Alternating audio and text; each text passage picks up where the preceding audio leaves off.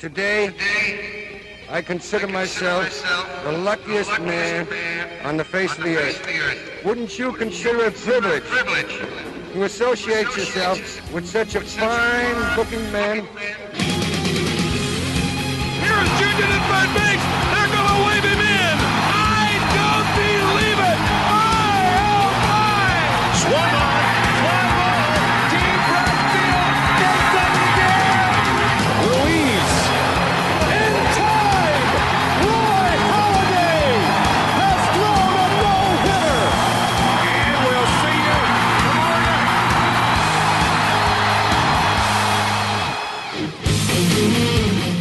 Hallo en welkom bij alweer een gloednieuwe aflevering van de Just a Bit Outside podcast. De enige echte MLB podcast van Sport Amerika.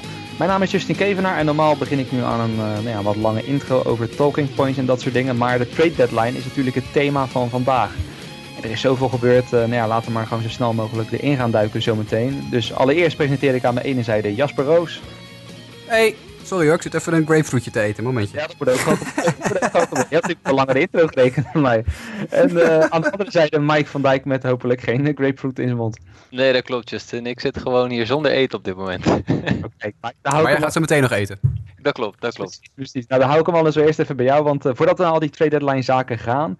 En ze allemaal door gaan lopen. Allereerst waar we het niet over gaan hebben. En dan mag je ook tegelijkertijd erna aangeven wat je nog wel wil bespreken als moment van de week. Ja, wat mij betreft gaan we het niet hebben over de Bryce Harper trade rumors. Dus eh, vorige week eh, iets aan besteed en daar gaan we het verder niet over hebben, want het is niet gebeurd. Waar we het wel over gaan hebben, wat mij betreft, was mijn moment van de week. En eh, ja, als je, het, het gebeurt nog wel eens rond de trade deadline dat twee teams tegen elkaar spelen en dat het ene team een speler ziet aan de overkant waarvan ze denken, die kan ons helpen. GM Mike Hazen van de Arizona Diamondbacks zag dat Jake Diekman van de Texas Rangers, want de Texas Rangers waren in town. En toen de trade complete was, stapte Diekman in de bullpen card. Ja, ja, de fameuze bullpen card. En reed hij van de ene kleedkamer naar de andere om officieel de trade te beklinken. Ik vond het wel eh, geestig gevonden. Ja, Jake, Jake Diekman is echt een baas, jongen. Echt, dat, eh, daar ga je heel veel lol van hebben. Ja, nou, ik moet zeggen, het het was ook wel komisch het interview wat hij gaf. Hij zei van, hoe zeker was je, wist je dat je eh, getrade zou worden? Hij zei, oh, ik heb vorige week al mijn spullen ingepakt. Ja, ja, ja, hij is echt heel grappig. Hij is echt heel grappig. Maar ook gewoon is echt een hele goede werper. Maar zo'n leuke gast ook. oh, grappig joh, grappig joh. Jasper, dan gaan we naar jou toe. Waar wil je het niet over hebben? En eh, wat is daarnaast jouw moment van de week? Nou, ik wil het gewoon nergens niet over hebben.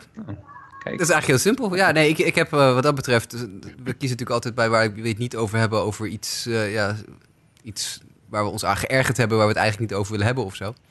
Maar ik heb me nergens aan geërgerd. Dus ja, dan, Ja, of misschien, of misschien zo zeg je, heb je wel een dingen geërgerd, maar die moeten we ook daadwerkelijk straks bespreken. Hè? Dus dat, eh, dat... Ja, ja, ja, dat is waar. Ja. Dat heb je een goed punt. Want ik ga nog wel eventjes eh, even los zo meteen een paar keer. Maar eh, nee, ja, dat, eh, dat, dat klopt. Ik, ik, ik heb verder ja, niks om niet over te hebben deze week. Mijn moment van de week is het moment dat, het, dat ik op Twitter zag dat met de aankoop van Jonathan Schoop de Brewers nu het zwaarste infield in de Major League hebben. Daar moest ik heel erg om lachen. Want Mustaka, Schoop, Shaw en eh, Aguilar, de startende infielders van de, de Milwaukee Brewers, dat zijn de stevige jongens. Dus daar moest ik wel even om lachen. Ja, het is inderdaad mooi. En er nog een landgenoot erbij gekomen inderdaad, waar we het straks nog zeker over gaan hebben. Eh, wat mij betreft, we gaan het niet hebben over al die Mets trade rumors. Eh, afgelopen weken heel vaak in allemaal shows, podcasts, ook van Amerikaanse collega's om het zo maar te zeggen. Ging het erover, wat gaan de Mets doen? Nou ja, uiteindelijk deden ze niet zo heel veel, dus daar hoeven we het verder ook dan niet over te hebben. Maar we houden het toch wel een beetje bij de Mets. Want ik wil toch even die afslachting benoemen van, eh, van eerder deze week. Eh 25-4 was eigenlijk de score waarmee de Washington Nationals wonnen. Eh, ja, twee grappige dingen daarin, toch? Eh, vanuit een mesperspectief. Het grappige was Jose Reyes, die mocht aan het einde werpen. Want ja, eh ze hadden geen zin meer om daar werpers tegenaan te gooien. Jose Reyes, die eh hitte toen Zimmerman met, en ik denk dat het een 54 mijl per uur curveball was of zo. Waarop Zimmerman nog een beetje hilarisch soort van wil aanvallen eerst. Maar dan daarna aangeeft van, nou, het is een dolletje en ik loop gewoon naar het eerste honk toe. Wat ik vooral heel bizar vond, was dat uiteindelijk de headlines gingen vooral over de Nationals en over werper Sean Kelly. Want op dat moment stond het 24-1. Kelly komt erin. eh, toch een van de wat betrouwbaardere relievers binnen hun bullpen die zij hebben. Die geeft een three-run home run op en die gooit dan keihard zijn handschoen op de grond. En geeft dan echt een dodelijke blik in de dugout met zoiets richting, eh, nou ja, waarschijnlijk richting Dave Martinez van... waarom zet je me überhaupt hier op de heuvel met deze stand? Eh ja, was nogal wat om te doen. Uiteindelijk Kelly ging eraf. En een dag later werd hij al gediefaid. Hij, eh, ja, Mike Rizzo die gaf aan de GM van, eh, van de Nationals dat dit onaanvaardbaar gedrag was. En dat als ze hem nog een kans zouden geven en dat hij openlijk zo, ja, zich zo gedroeg, dat het gewoon niet meer verder kon dan. En ik vond dat vrij bizar. want ja, wat ik zei, Kelly, een van de betrouwbaardere pieces in die bullpen. En in zo'n wedstrijd waar eigenlijk alles gewoon prima gaat. Waar er geen, eh, waar, waar er geen veldje aan de lucht hoort te zijn. Dat er dan zoiets gebeurt. En dat er dan ook meteen eh represaille volgt vanuit, eh, vanuit het hoofdkantoor. En dan denk ik van ja, dat, dat geeft al aan wat ik al vooraf tegen jullie zei. Dat er flink wat spanning op zit bij de Nationals. En dat eh, dit soort dingen, ik weet niet of dat echt de zaak gaat helpen. Yo, die Mike Rizzo die wil gewoon de aandacht even afhalen van het feit dat hij hopeloos gefaald heeft in de afgelopen weken op echt ieder vlak. Die man heeft echt, die, nou, als een beetje owner achter dat, erachter zit met een stevige, hè, een stevige vinger aan de Ja. Dan is dit het einde van, eh, van Mike Rizzo's carrière als Nationals GM. Want die man heeft hopeloos verzaakt deze week, de hele week. Hij heeft, iedere beslissing die hij maakte was de verkeerde. En die wilde gewoon eventjes de aandacht eh, ergens anders op vestigen, dus daarom heeft hij dat gedaan. Ja, ja en het is een, en wat ik zeg, een beetje, het komt over, als een wanhopige poging, hè, poging hè, een beetje met die ijzeren vuist op tafel te slaan van eh, ik ben hier de baas samen met, eh, samen met mijn manager. En eh, nou ja, van de week kwamen alweer wat geruchten naar buiten dat het in dat team blijkbaar niet helemaal goed zit qua chemistry. Eh, of dus, helemaal niet zelfs. Nee, dus het, is, eh, het blijft dan bizar als je achteraf denkt. Dusty Baker moest natuurlijk weg als een soort fall guy. Van dat, het, eh, dat de Nationals het net niet redden. Maar als je achteraf bekijkt naar de afgelopen 4, 5 jaar... dan kan je misschien concluderen dat eh Dusty Baker degene was die het hele zootje bij elkaar hield. Gek genoeg. En dat ze die misschien wel gaan missen. Niet gedacht dat ik dat zou zeggen, maar momenteel lijkt het er wel zo op in Washington. Dan de trades. Ehm, we gaan een beetje chronologisch beginnen. Vanaf het moment waar we vorige week zijn gestopt. Dat was toen die Cole Hamels deal. Daar zijn we de vorige show geëindigd. En sindsdien ja, in totaal 29 deals die officieel hebben plaatsgevonden. We gaan ze wel allemaal af, maar bij de een zullen we het enkel benoemen en verder niet eh, erg veel tijd gaan besteden. Bij de andere misschien even stil blijven staan. En misschien bij twee of drie echte grote gaan we even iets uitvoeriger eh, op in. Beginnen we allereerst eh, bij de allereerste Eduardo Escobar. Mike, en die zal ik dan eerst aan jou geven. Want die ging van de Minnesota Twins naar de Arizona Diamondbacks. Echt een paar minuten nadat onze vorige podcast online ging. Ja, goede get van de Diamondbacks lijkt me toch? Zeker. Eh, het lijkt me inderdaad een, eh, een goede speler om erbij te hebben. Ik weet dat, eh, dat Jasper zo meteen nog meer gaat vertellen, want die is een groot fan ervan. Maar ik, was, ik was enthousiast erover. Ik, ik denk, weet je, Manny Machado is niet gelukt. Dus de Diamondbacks gingen nog wel kijken voor een, voor een andere waardevolle bat in de line-up. En die hebben ze denk ik in Eduardo Escobar gevonden. Ehm, het is een positieve gast. Hij was heel blij ook om naar de Diamondbacks te gaan. En wat mij ook wel positief... het is eigenlijk een poor man's Manny Machado die hij uiteindelijk eh, haalt. En eh, ja, de Diamondbacks hebben niet heel veel voor hem opgegeven. Vooral eh, volume aan spelers en niet zozeer kwaliteit. Want die is ver te zoeken in het farm system daar.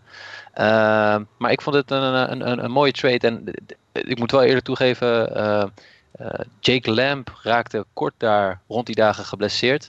Die moet waarschijnlijk wel een, eh, operatie ondergaan eh, aan zijn rotator cuff. Dus die gaan ze voorlopig missen, de Diamondbacks. Dus ergens was het ook een trade die, die ze moesten maken eh, om dit seizoen er vol voor te gaan. Na dit seizoen lopen een aantal contracten af, waaronder die van AJ Pollock. Dus dit is echt het window of opportunity voor de Diamondbacks om er echt voor te gaan. En ze hebben niet de beste papieren, maar ja, ze gaan er wel gewoon eh, volledig voor. Ik vind het echt een super trade. Ik vind het echt. Sorry, grapefruitje in het verkeerde keel. Eh, ik, ik vind het echt een super trade. Ik vind, eh, eh, dit, is, dit is weer. Nou, hier laat Mike Hazen zien dat hij, dat weet wat hij aan het doen is. Want inderdaad, wat je al zei, Mike, wat ze, wat ze aan prospects opgeven was helemaal niks. Dat is inderdaad meer eh, kwantiteit en kwaliteit. Maar ik vind Eduardo Escobar echt een super, super goede speler. Heel erg ondergewaardeerd. Heel goede slagman. Kan op werkelijk waar iedere positie die je maar kan verzinnen uit de voeten. Twee, kort, drie, outfield. Maakt niet uit. Gooi hem er ergens neer. Inderdaad, een ontzettend positief figuur. Hij komt natuurlijk bij de White Sox organisatie vandaan lang geleden. Wij hebben hem ooit opgeleid. En, eh, en weggedaan naar de Twins in ruil voor Francisco Liriano toen hij nog goed was.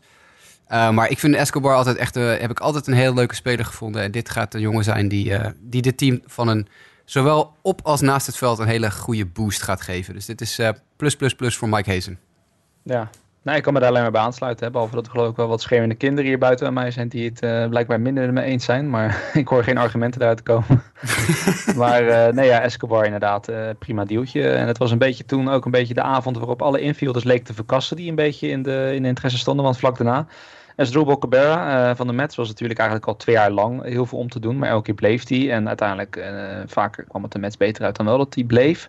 Uh, uiteindelijk uh, voor een deeltje naar de Phillies toe in de eigen divisie. En uh, nou ja, laat ik dan vanuit mezelf zeggen, ik denk dat de Phillies er wel in, in principe een prima speler bij krijgen. Kijk, Cabrera was altijd een beetje, sinds die dagen dat hij in Cleveland een All-Star was, dan hebben we het een beetje over 2011, 2012. Eh, die periode vanaf toen is het elk jaar een beetje downhill gegaan. Tot hij eigenlijk in New York kwam. Hè? Want in het begin werd hij best verguisd daar. Eh, waarom werd er zoveel geld niemand gesmeten? Wiens stats alleen maar omlaag gingen. In dit twee, drie jaren daarvoor. Maar eh, ja, in New York is hij toch belangrijk geweest. Hij heeft ook nog die run eh, naar de World Series meegemaakt. Is hij ook belangrijk geweest op bepaalde momenten. Dus eh, ja, wat mij betreft krijgen de Phillies. Hè, ze willen uiteindelijk die run naar de playoffs maken. Is het goed dat zij er toch in die jonge selectie een ervaren kracht bij krijgen. Lijkt mij. Ja, en, en eh, de Phillies hebben Franklin Kilome, of Kilome, eh, richting de Mets gestuurd. Die gast heb ik nog zien gooien afgelopen februari toen ik bij de Phillies was in spring training. Toen heb ik zijn hele bullpen sessie staan bekijken. Toen was ik al heel erg onder de indruk van zijn arm. Eh, dit is echt een, echt een goeie. Die stond ook in mijn top 10 prospect watch van de Phillies weer. Echt, echt een goede, een goede werper. Dus daar hebben de Mets ook zowaar nog eens een keer wat leuks voor binnen gehaald. Nou, dat scheelt. En gezien al die blessures die er altijd zijn, weet je maar nooit hoe snel hij dan eh, de weg omhoog kan gaan vinden.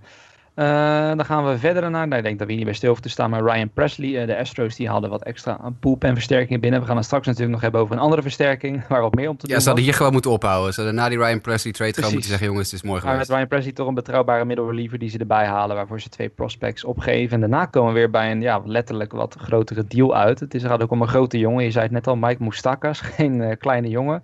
Eh, toch een beetje Mr. Kansas City Royal altijd in mijn gedachten. Mateloos populair natuurlijk. Toen afgelopen jaar die beetje gekke situatie dat hij free agent was. En uiteindelijk op een hele korte deal terugkwam naar Kansas City bij gebrek aan beter. Eh, maar ja, nu de Brewers die hadden wat hulp nodig daar. En die halen Moustakas erbij en geven daar Brad Phillips en Jorge Lopez voor op Jasper. Ehm, ja, ik, ik vind het zelf persoonlijk, maar dat is gewoon meer gevoel, wel een, eh, een leuke fit. Moustakas bij de Brewers, maar hoe zie jij dat? Eh, nou, ik... Ja, mm. Ja, meer gewoon qua Moustakas persoon bedoel ik meer. Ja, laat ik er wel bij te passen. Stevige eh, jongen ja, ja, ja, oh ja, ja, qua formaat, ja, ja absoluut. Er lopen wat big boys rond in dat team. Maar nee, ja, Moustakas is, eh, begon dit seizoen heel erg goed. OPS hoog in de 900. En dat is elke maand eigenlijk met 100 afgenomen. Dus hij gelooft dat zijn OPS nu op 645 staat voor de maand juli. Ja. Dus hij is echt, echt van, een, van, de, van, de, van de berg afgesodemieterd. Eh en ik heb ook een beetje het idee dat de Brewers eh, meteen ook gedacht hebben van... nou, we nemen even geen, eh, geen risico dat, dat, dat die trend zich voortzet. Want die hebben dus nog meer trades gemaakt daarna voor infielders. Waardoor ze nu echt negen infielders op het roster hebben staan, geloof ik. Maar ja, op zich past het, wel, past het wel leuk. Ik denk dat hij gaat- heel erg gaat platoonen. Eh, We kunnen het zo meteen, bij, als we het over Schoop hebben, nog even wat uitgebreider over het infield hebben. Want ik heb het helemaal uitgedokterd van de week hoe ze het gaan doen. En ik denk dat er met een, eh met een platoon, dat is niet zo goed tegen lefty pitching. Ik denk dat ze hem ook niet tegen lefty starters laten starten. Nou ja, dat is ook wel zo. Ik denk wel terecht. eh, ook hier met Moustakas. 2015 was natuurlijk de topjaar. Was natuurlijk dat de Royals eh, all the way gingen. Toen nou ja, haalde hij de All-Star Game. Was hij zelfs in de MVP contention. Zie ik zelfs. Eindigde hij nog in de top 20. Eh, maar ja, daarna toch wat minder gegaan. En ja, nu, nou zeg ik trouwens wel een stevige jongen uit het Midwesten. Maar hij is gewoon geboren in Los Angeles, zie ik hier. Dus eh is toch iets anders dan in het Midwest opgroeien in LA. Maar ja, ik weet niet, ja, wat ik zei, het is meer gewoon een beetje qua persoon dat ik denk dat hij daar wel goed bij past. En eh, dat, dat zo'n Milwaukee-team dat wel... eh, het, is toch altijd wel een jongen die snel gewaardeerd wordt door de fans, zeg maar. Dat wel, zeg in Kansas City, zelfs toen hij dat minder deed, was altijd op een of andere manier natuurlijk met die moose chant. Een hele populaire jongen, dus ik, eh, nou, ik moet nog maar zien. Aan de andere kant, ik zag dat de Royals ook van, van de week meteen profijt hadden bij Brad Phillips, die wat leuke dingen liet zien. Ja, daar wilde ik nog even over hebben. Kijk, Want dat is wel heel, bruggetje. en, en een hele goede honkballer. Maar ook natuurlijk een van de, van de hoofdrolspelers in het spring training filmpje van de Brewers toen ze de Sandlot eh, nadeden. Eh, daar was hij eh, een, ja, een integraal onderdeel van. Dus dat filmpje moet een, moet een plaatsvervanger hebben. Dus dat is... ja, de- maar Phillips is gewoon hartstikke echt een goede honkballer. Echt, ik vind het wel leuk voor hem dat hij nu wat meer een kans krijgt. Want zat natuurlijk vast hè, in het Brewers Mhm. systeem waar het stikt van de outfielders. Eh, dus, dus wat dat betreft, eh, free Brad Phillips. Ja. Prima. Nee, wat ik zei van de week al wat, eh, wat base hits bij de Royals. Zelfs al wat runners binnengeslagen. Dus wat dat betreft. Het leuk dat zo'n jongen nu de kans krijgt om, om te shinen. Dan wat, wat kleinere deals er even kort langs gaan. Jason Shreve die ging weg bij de Yankees. En daar kregen de Yankees dan Luke Voigt van de Cardinals. Eerste honkman voor terug. Het enige wat daar wel apart was, of nou ja, apart, is dat je een filmpje voorbij zag komen waarschijnlijk van Jason Shreve. Waarschijnlijk hebben veel mensen dat voorbij zien komen waar die nog emotioneel is dat hij bij de Yankees weggaat. En ja, Mike, je zei het net vooraf, eh, op zich best wel te begrijpen. Als je ineens van een contender naar een team gaat wat waarschijnlijk niet om de prijzen mee gaat doen. Ja, dat kan natuurlijk best wel vervelend zijn. Maar goed, Jason Shreve dus naar de Cardinals. Andersom, eh, ja, wat, eh, dat je ineens van die deals ziet dat je denkt, hm, oké, de White Sox, die Caleb Frere, als ik het goed uitspreek, Frary, hoe je het ook wil zeggen. Eh, haalde bij de New York Yankees voor international bonus pool money. Nou, Jasper, zei laatst voor de grap al van geen flauw idee wie dit is. Nee, maar blijkbaar, maar eh, ja. het is, het is, we hoeven het over die Caleb Fair, is een lefty, lefty reliever. Uh, Staat heel goed te gooien in AAA, dat is de, de, daar laat het maar even Ja. bij. Eh, maar wat, wat dit wel een beetje inleidt, is, eh, is, is wel interessant te ontwikkelen. Dat we heel veel deals hebben gezien voor international bonus pool money. Mhm. Want ook de Orioles hebben, dat, hebben daar deals voor gemaakt. En, eh, en er waren nog meerdere teams eh, uit mijn hoofd. Nog zeker twee of drie die, die international bonus pool money hebben. De, de Rays hebben dat nog gehad bij de Tommy Pham deal, waar we zo meteen Ja, op komen. ja, Nou, enzovoort, nog een keer met Adam Warren, eh, zie ik hier. Ja, en de race nog een keer met Hunter Shriver. Daar komen we allemaal straks nog op. Kortom, er zijn heel veel internationale bonus pool money deals gemaakt. En dat is een ontwikkeling die toch wel denk ik, heel erg opvalt. Teams die natuurlijk gestraft zijn eh, in het verleden bijvoorbeeld voor, voor het overschrijden van hun bonuspool. Die hebben dus nu geld waar ze eigenlijk niks aan hebben. Want ze kunnen niet voor meer dan 300.000 dollar per persoon een speler contracteren in, op de internationale markt. Dus daar gaan andere teams daarvan profiteren. En die gaan internationaal bonuspool money eh, verkopen. Eh, dus zoals de White Sox, die zijn natuurlijk gestraft voor de Louis Robert deal. Mhm. Dus die hebben niet zoveel aan al dat geld. Dus die hebben anderhalf miljoen dollar naar de Yankees gestuurd voor zo'n Caleb Fair. En dat, zijn best wel, dat is best wel een interessante ontwikkeling om een klein beetje in de gaten te houden. Want heel veel teams gaan, dat, gaan daar op die internationale markt dus echt serieuze dingen mee doen. Ja, nou ja, de Orioles is... nou, zeg maar. Eh, hebben we enig idee? Ik bedoel, eigenlijk hebben we met dit soort trades altijd de omschrijving International Bonus Pool Money. Maar wat kost nou een Caleb Frere, zeg maar? Daar ben ik dan eigenlijk Anderhalf naar. Anderhalf miljoen, oké. En is dat In dan... dit, geval, an- in dit geval anderhalf miljoen. Ja, ja precies. Oké. Maar dat varieert, hè? dat is maar net de waarde die een team aan een speler hangt. Eh, de White Sox hebben anderhalf miljoen voor hem betaald. Maar bijvoorbeeld voor die Hunter Shriver, waar ik het net over had, die van de, eh, de Rays afkwam. eh, moet ik heel even opzoeken, dat is iets minder volgens mij. En vooral ook omdat je, weet je in eh, andere sporten miljoenen bedragen voorbij ziet komen dat je denkt van zo, de knetters. Maar dan gaat het in dit soort international bonus pool money niet echt over, hè? dat soort grote bedragen. Nee, nee, nee, nee. Dat gaat over, over veel kleinere bedragen. Dat kan variëren van de 300.000 naar, nou ja, anderhalf, twee, drie miljoen. Meer is het niet hoor. Ja. Nou ja, het is trouwens wel, als ik dan nog even kort eh, dat zal vermelden inderdaad. Je noemde net de Orioles inderdaad, maar die hadden bijvoorbeeld ook Brad Brock inderdaad eh, voor, voor international ja. pool money naar de, naar de Braves gestuurd. Eh, want ja, de Orioles die starten natuurlijk helemaal opnieuw. En Brock was dan een van die jongens die ze wegdeden. Onder het mom van, nou ja, we gaan volledig aan de rebuild beginnen. En alles wat van waarde is, dat mag weg. Voor geld. En het is wel grappig, want we hadden het laatst over de Orioles. zijn nooit zo van internationale markt. Maar ze willen het nu echt gaan doen. En ja, ze lijken genoeg geld te gaan inzamelen in ieder geval. Tja, meer heb ik daar niet over te zeggen. Agree. Precies. Door, is sowieso heel veel werpersdeals dan. Ik zei het net al, Adam Warren dan voor international bonus pool money van de Yankees naar de, eh, naar de Mariners. Dan ook hier nog Zach Duke. De Mariners waren sowieso heel druk bezig met zoveel mogelijk ja, average middle relievers binnenhalen. Zach Duke, een, ja, een linkshandige werper die altijd wel ja, bruikbaar is. Hebben ze dan gehaald voor twee, eh, voor twee jongens. Chase de Young, een eh, werper, gaat terug. En Ryan Costello, infielder, gaat terug. Eh, ja, daarmee hopen de Mariners die bullpen een beetje te versterken. Maar dan komen we ja, uit bij de deal. Die denk ik wel eh, toch wel een van de, van de headlines vormde. En dat is de deal tussen de Astros en de Blue Jays. Waar Ken Giles, eh, waar ze in Houston natuurlijk min of meer helemaal klaar mee waren. Die sturen ze naar de Blue Jays. Met nog wat andere jongens zoals Hector Perez en David Paulino. En aan de andere kant gaat een jongen waar ook natuurlijk wat om te doen is. En misschien nog wel veel meer dan bij Ken Giles. Want dat is natuurlijk Roberto Osuna, de jonge closer van de Blue Jays. Eh Sky Lake ooit de limit. eh, totdat eh, al die vervelende verhalen begin dit jaar naar buiten kwamen. Waarbij hij vermeend zijn vriendin in elkaar zou hebben geslagen. Ja, Jasper, jij, ik weet toevallig uit goede bronnen dat jij niet heel erg over te spreken was, hè? Ik ben al een aantal jaar heel erg gecharmeerd van de Houston Astros. Eh, zowel op het veld als naast het veld. Ik vind het een goed gerunde organisatie de laatste paar jaar. Ik vind dat ze goede trades maken. Ik vind dat ze een leuke honkbal spelen, leuke spelers hebben. En dat hebben ze met één trade helemaal ongedaan gemaakt. Ze mogen wat mij betreft in de eerste ronde van de playoffs uitgeschakeld worden. Ik ben er helemaal klaar mee. Ik vind het echt geschift. En Jeff Passan heeft er ook van Yahoo Sports heeft er een fantastisch eh, artikel over geschreven op de Yahoo Sports. Dat zeker de moeite van het lezen waard is. Maar meerdere, meerdere grote eh, websites hebben er aandacht aan besteed. Waarom? Echt waarom? Dit is een jongen die nog voor de rechter moet verschijnen. Die al een schorsing van 75 wedstrijden nog steeds uitzit. Of net uitgezeten heeft. Eén deze dagen is hij of niet meer geschorst. Of ik geloof vanaf zondag geloof ik niet meer geschorst. Eh, echt, wat haal je je in je hoofd? Tuurlijk, die Ken Giles is een pannenkoek. Die slaat zichzelf voor zijn sodemieter. Maar die slaat tijdje zichzelf nog. Ja, weet je, ik bedoel, als je dan iemand slaat, sla dan jezelf. En niet je vriendin. Weet je, ik, ik, tuurlijk, er zijn altijd weer Astros-fans die, die dan de verdediging van Osuna opzoeken. Ja, maar dit is vast weer zo'n meisje dat, eh, dat dat verzint om geld te verdienen. En ja, er zijn verhalen dat hij na dat hele gedoe toch alweer gewoon met haar en haar vader eh, uit eten geweest is. En weet ik het allemaal. Of vaak het Kan simpele echt- argument natuurlijk van de tweede kans, Ja, hè, die verdient iedereen. eh, eh.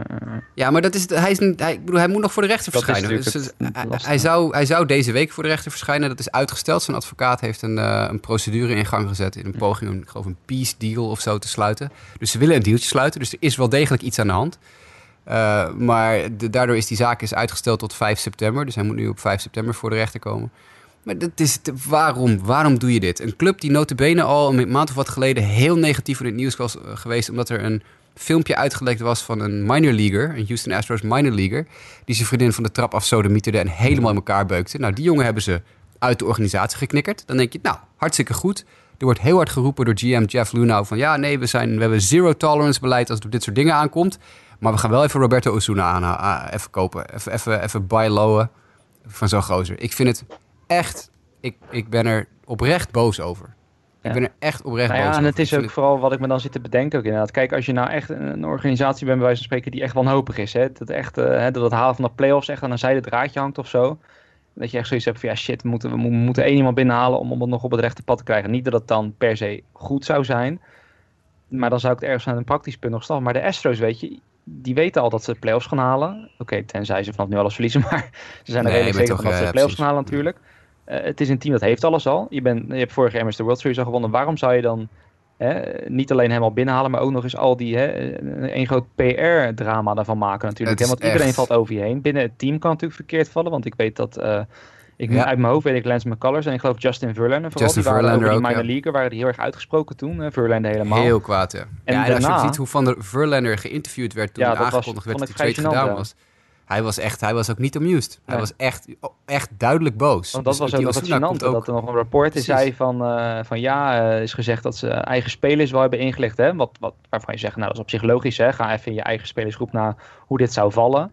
Eh, en dat Verlander gewoon doodleuk zei van, nou ja, ik ben niet geraadpleegd. Nou, en als misschien je grootste ster van je team zegt dat hij niet is geraadpleegd, dan zegt dat denk ik genoeg over eh, ja, hoe valide dat argument dan was van, eh, van hun GM. Want dan is er dus waarschijnlijk Ja. niemand ingelicht, behalve een assistant GM of zo. Het is echt gênant. Het is echt heel erg gênant. En het is inderdaad Ja. nergens voor nodig, want ze kunnen een jongen... Kijk, Osuna is hartstikke goed. Als hij op de heuvel staat, Mhm. natuurlijk, hartstikke goede pitcher. Laten we daar even v- voorop stellen. Maar, ja, weet je... Je hebt vast wel een minor league rondlopen. Die, die David Polino, die ze nu naar de Blue Jays sturen. Die gozer is minstens net zo goed. Of die kan minstens net zo goed worden. Alleen ja, die, die waren ook een beetje zat. Want die heeft ook al twee schorsingen uitgezeten binnen zijn, eh, binnen zijn eigen club. Want die is één keer geschorst geweest voor slecht gedrag. En één keer 80 wedstrijden voor eh, dopinggebruik. Mogelijk lo- loopt die schorsing nog steeds trouwens, dat weet ik niet eens. Ja. Maar die jongen die is nog hartstikke jong en die kan net zo goed gooien. Dat is ook een maf case, maar die heeft tenminste iemand in elkaar geslagen. Weet je wel, dat, dat- Ja. doe, even, doe even normaal. En natuurlijk, hè, ik bedoel, eh, er moet nog een rechtszaak komen. Er moet nog blijken of het allemaal waar is. Maar ja, in zulke gevallen, weet je, MLB heeft zijn eigen onderzoek al gedaan. Eh Osuna heeft 75 wedstrijden gekregen. Dus hij heeft wel iets fout gedaan. Wat weten we niet. Maar eh, dat er iets helemaal niet helemaal lekker zit, is wel duidelijk. En dat risico ga je toch als club niet nemen. Als je niet zeker weet wat er gebeurd is, ga je toch niet zo'n gozer aankopen. Doe even normaal. Nee, ik, eh, ik vind het bizar. Maar Mike, ik weet niet of jij nog aan deze hele rant nog wat had toe te voegen of eh sta je er wel een ik, beetje ik, ik, ik denk dat het punt redelijk gemaakt is. En eh, er waren ook wel andere relievers available die ook al versterking waren geweest eh, over, over Ken Giles, denk ik. Dus eh, ja, de, de Astros maken hier een keuze om, eh, om voor Robert Osuna te gaan. Ja. Ik ben Ja. benieuwd hoe dat eh, inderdaad eh, uit gaat pakken, vooral eh, qua team chemistry. Ja, ja we, gaan, we gaan het zien de komende week hoe dat uiteindelijk zich gaat ontwikkelen. Vooral als hij helemaal terug is en ook eh nog op blijft, hoe dat, eh, hoe dat gaat. Nog veel erger is dit, dat dit pusht mij dus in de American League richting teams waar ik met geen mogelijkheid voor kan rooten. Hè? Dus nu moet ik of nu moet ik zo meteen in de playoffs of voor de Indians of de Yankees of de Red Sox. Zijn. Ja, dat kan ik. Dat, dat, dat is alleen daarom al is dit echt een verschrikkelijke move. Je kan mij toch niet die hoek instuwen? Maar de Mariners, Het was zo- het was de zo makkelijk. de Athletics, die gaan die wildcard halen. Dan moet je daar gewoon op Nou ja, oké, gelukkig. Maar ik bedoel, het was, het was zo makkelijk vorig jaar. Astros, want dat waren niet de Yankees, Red Sox en Indians. Weet je wel, dat, het was zo makkelijk. En nu doen ze dit. Nou, echt. Oké, goed, genoeg. Het Er is, er altijd nog eh, een National League om voor te rooten, Jasper. eh. Ja, nee, de National League, dat is allemaal leuk. Dat- maar ik moet in de American League ook voor een team. Ik, moet, ik, ik bedoel, vorig jaar was ik vanaf april... Hey, Was ik eigenlijk, zei ik, zei ik, de Astros gaan de World Series winnen. Nou, dat, dat, dat- dan heb je een team van tevoren gekozen. Maar jij bent, jij bent ook een strong favorite voor Oakland, toch? Mm, weet ik niet. Oké. Nee. nou ja, nee, dan wordt het inderdaad heel, voor de eh, Mariners. Dan wordt het, dan wordt het heel lastig. Maar eh, Ja. om dan even naar de American League Central te gaan. Want eh, wat me sowieso ook wel opviel, de Minnesota Twins bijvoorbeeld, eh, waren best wel actief in de zin van dat dit er wel redelijk duidelijk maken van dat zij niet echt een comeback zien gebeuren in de AL Central. Wat op zich logisch is, lijkt mij, gezien de kracht van de Cleveland Indians in die divisie. Want er is ook Lens Lynn weg. Eerder dit jaar hebben we het erover gehad. Het was een beetje met ups en downs. Eh, maar ja, de Yankees hadden blijkbaar niet voldoende aan alleen J.A. Happ, die ze daarvoor hadden binnengehaald. Hadden we het in de vorige podcast over. Dus die halen Lens Lynn erbij voor eh, twee, eh, of nee, ik wil zeggen twee minor leaguers. Nee, Luis Rigo is wel minor leaguer. Tyler Austin uiteraard niet. Die heeft wel in de majors gespeeld. Maar wel in de minor league dit jaar. Ja, precies. Nu inderdaad momenteel wel in de, in de, in de minor league inderdaad. Eh, ja, ik weet niet. Ik weet toevallig in onze fantasygroep inderdaad werd er ook een beetje over gezegd van ja, wat, wat moeten ze echt met Lin? Ja, Dit is je een kan- verze- dit is- dit is een verzekering. Ja, je kan verzekering. Als je Sonny. Gray de laatste weken hebt gezien. En eh, ik geloof dat het afgelopen nacht was eh, dat hij weer gegooid heeft. Eh Sonny Gray is op dit moment gewoon zeer dubieus of hij nog de komende twee starts denk ik in de rotation zit van de Yankees. Als Lance Lynn, die op zich een redelijk proven track record heeft, zich een beetje kan stabiliseren dit seizoen. En gisteravond viel hij dan in als reliever voor de Yankees. Wierp hij 4.1 innings, 5 hits tegen, 0 runs. Dus, en 5 strikeouts. Dus ja, dat was op zich een goede outing voor hem. Ja, dan pakt hij zo dat plekje over van Sonny Gray, denk ik. Ja. ja, dat is het ook wel. Want hij had vooral een heel moeilijk begin. Want hij had natuurlijk ook, eh, hij was een van die free agents die echt super laat tekenen, geloof ik, Ja, bij de Twins. Klopt. Eh, nou ja, waarschijnlijk wat, was dat een beetje de reden waarom hij wat moeilijk in kon passen daar. Dat hij, dus de ERA geloof ik echt na drie, vier wedstrijden echt sky high was. Eh, maar toch, ik geloof de laatste weken, maanden gaat het al steeds wat beter. En ja, wat jij zegt, maar ik denk terecht. proven track record. Hij heeft zelfs al een keer, hij was toen natuurlijk hè, onderdeel van, de, van het Cardinals team als rookie eh, waar de World Series mee werden gewonnen. Dus hij weet ook wat het is om in de playoffs te spelen en om zover te komen. Dus eh, ja, niks mis mee uiteindelijk. En ja, ach, eh, de Yankees, je kan er maar beter iets te veel dan te weinig armen hebben in die rotation. En anders vind ik hem altijd nog een, een interessante long relief optie hoor. Mhm. Ja, vooral in de playoffs. Hè. Ik bedoel, dat hebben we vaak genoeg gezien dat dat maar al te waardevol kan zijn in eh, wat, voor, wat voor manier dan ook. Ik ben wel Eh, even Ik, ben, benieuwd ik, eh, Ja, ga ja. ja. maar Esper. nou, ik wil zeggen, ik ben iets minder enthousiast over deze deal. Maar ik ben al zo losgegaan net op Osuna dat we dat we maar eventjes achterwege laten. Catch your breath, catch your breath. Ja, maar het Ja, kan, precies. dat kan, dat kan. Maar ik wil het even gezegd hebben. Ik wil het on the record hebben dat ik niet zo'n fan ben van deze move. Oké, Hmm. ik, wil, ik wil één vraag aan jou stellen eh, wat dat betreft. De Twins, dat hebben we dus nu al drie trades voor volgens mij voorbij zien komen in deze aflevering. How do you like the return? Ehm, nou, Luis Rigo is niet zo'n harde gooier. Die pitcher die ze hebben gekregen van de Yankees is wel een jongen die ontzettend veel controle heeft. Maar eh, echt, eh, echt heel langzaam gooit. Echt een mid-80 of zo. Nou, daar, kom je ver. Tyler Austin, eh, dat is denk ik einde verhaal. Dat is een beetje van de categorie AJ Reed van een paar jaar geleden bij de Astros. Een jongen die heel veel potentie heeft, maar het nooit waar heeft kunnen maken. En ook niet waar maakt tot nu toe nog. Nou ja, de move van eh Eduardo Escobar hebben we het al over gehad. Die, die jongens, dat was inderdaad meer kwantiteit dan kwaliteit die ze terugkrijgen. Maar vooruit dan maar. En welke, hadden ze nog meer moves? Ja, ze hadden Dozier nog. Even kijken. Ja, eh, die bewaren we voor het einde, want dat was echt Ja, de ja. Eentje, eentje die we gemist hebben nu is Zach Ja, Duke Chase Duke. Young. Ja. Ja, nou ik weet vanuit Mariners Ja. perspectief dat Chase de Jong gewoon een, ja, niet heel zijn bijzonder twee is. keer eerder getrade. Die is inderdaad ook al eerder getrade, maar ook al geloof ik 1, 2 of 3 starts gemaakt. En het was nooit echt eh, niks overpowerings of zo. Of niet echt dat er iets in zit dat je denkt van daar kan je mee werken. Het is, het is een arm en hij kan innings gooien, maar ja. Dus, dus Ik denk ook, ik, ik denk dat de Twins meer ook voor, inderdaad voor body zijn gegaan dan voor echt talent. Want ze weten dat ze, die hebben best wel een redelijk goed minor league systeem. De top 10, top 15 is best aardig. Maar daarna is het gewoon echt allemaal bagger. Dus ja, dan kan je beter wat meer body aan je, aan je systeem geven. In de hoop Body dat er een niet in de Milwaukee Brewers zin van het woord, toch? Nee, nee, precies. Nee.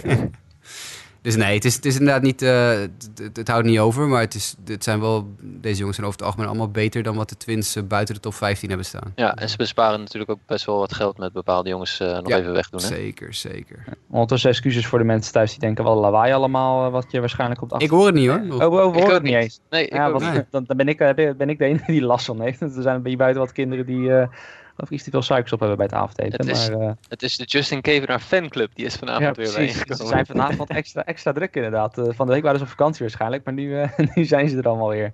Maar goed, we shall go on. De Cincinnati Reds, die maakten ook nog een move in al dit geweld.